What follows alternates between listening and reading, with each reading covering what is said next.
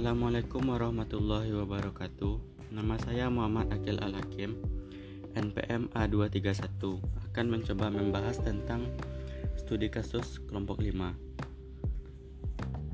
Dengan kasusnya yaitu seorang peneliti ingin meneliti pengaruh tiga jenis pupuk organik atau P yang berbeda pada tiga kultivar kedelai unggul atau V Pupuk yang diuji adalah pupuk kotoran kambing atau P1, kompos P2, dan casing P3.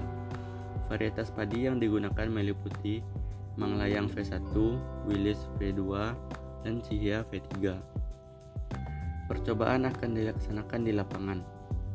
Peneliti juga berharap memperoleh tingkat ketelitian yang sama untuk kedua faktor di atas.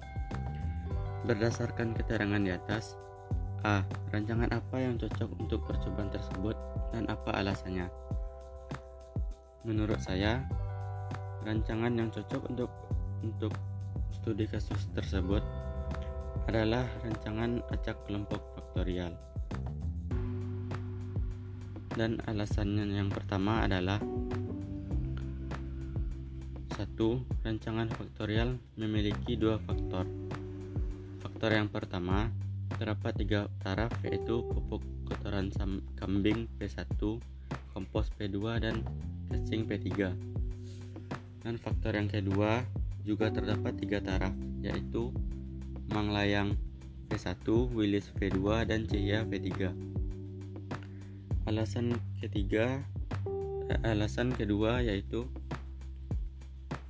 eh, pada keterangan tersebut dikatakan bahwa percobaan akan dilaksanakan di lapangan. Yang tidak disebutkan bahwa keadaan lapangan yang homogen sehingga uh, saya berasumsi bahwa Percobaan dilaksanakan di lapangan yang heterogen. Pertanyaan yang kedua, susunlah dan jelaskan secara singkat tahap metodologi penelitiannya. Tahap metodologi penelitian ya, yaitu satu pengacakan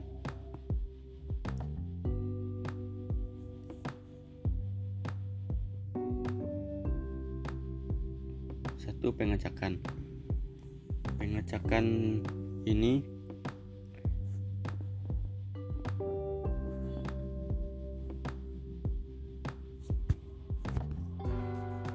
yaitu membuat petak.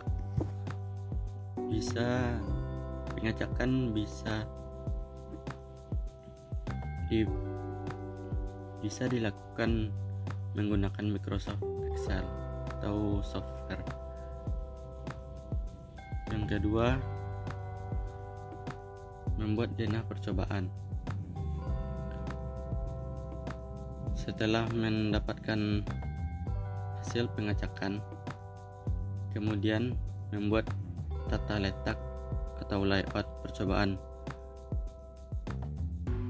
dengan menempatkan hasil pengacakan pada petak percobaan. Yang ketiga, menentukan model linear.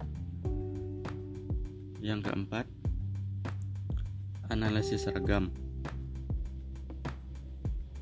yang terdapat di sumber keragaman, derajat bebas, jumlah kuadrat, kuadrat, kuadrat tengah, F hitung dan F tabel. Yang kelima, menentukan hipotesis.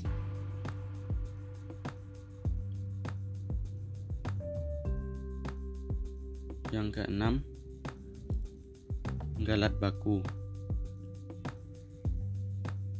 Galat baku diperlukan untuk perhitungan perbandingan rataan. Yang ketujuh, yaitu menentukan kesimpulan dengan membandingkan F interaksi dengan F hitung. Dan yang terakhir, post hoc test yaitu pengujian interaksi kedua faktor yang dilakukan agar mendapatkan kesimpulan yang lebih komprehensif.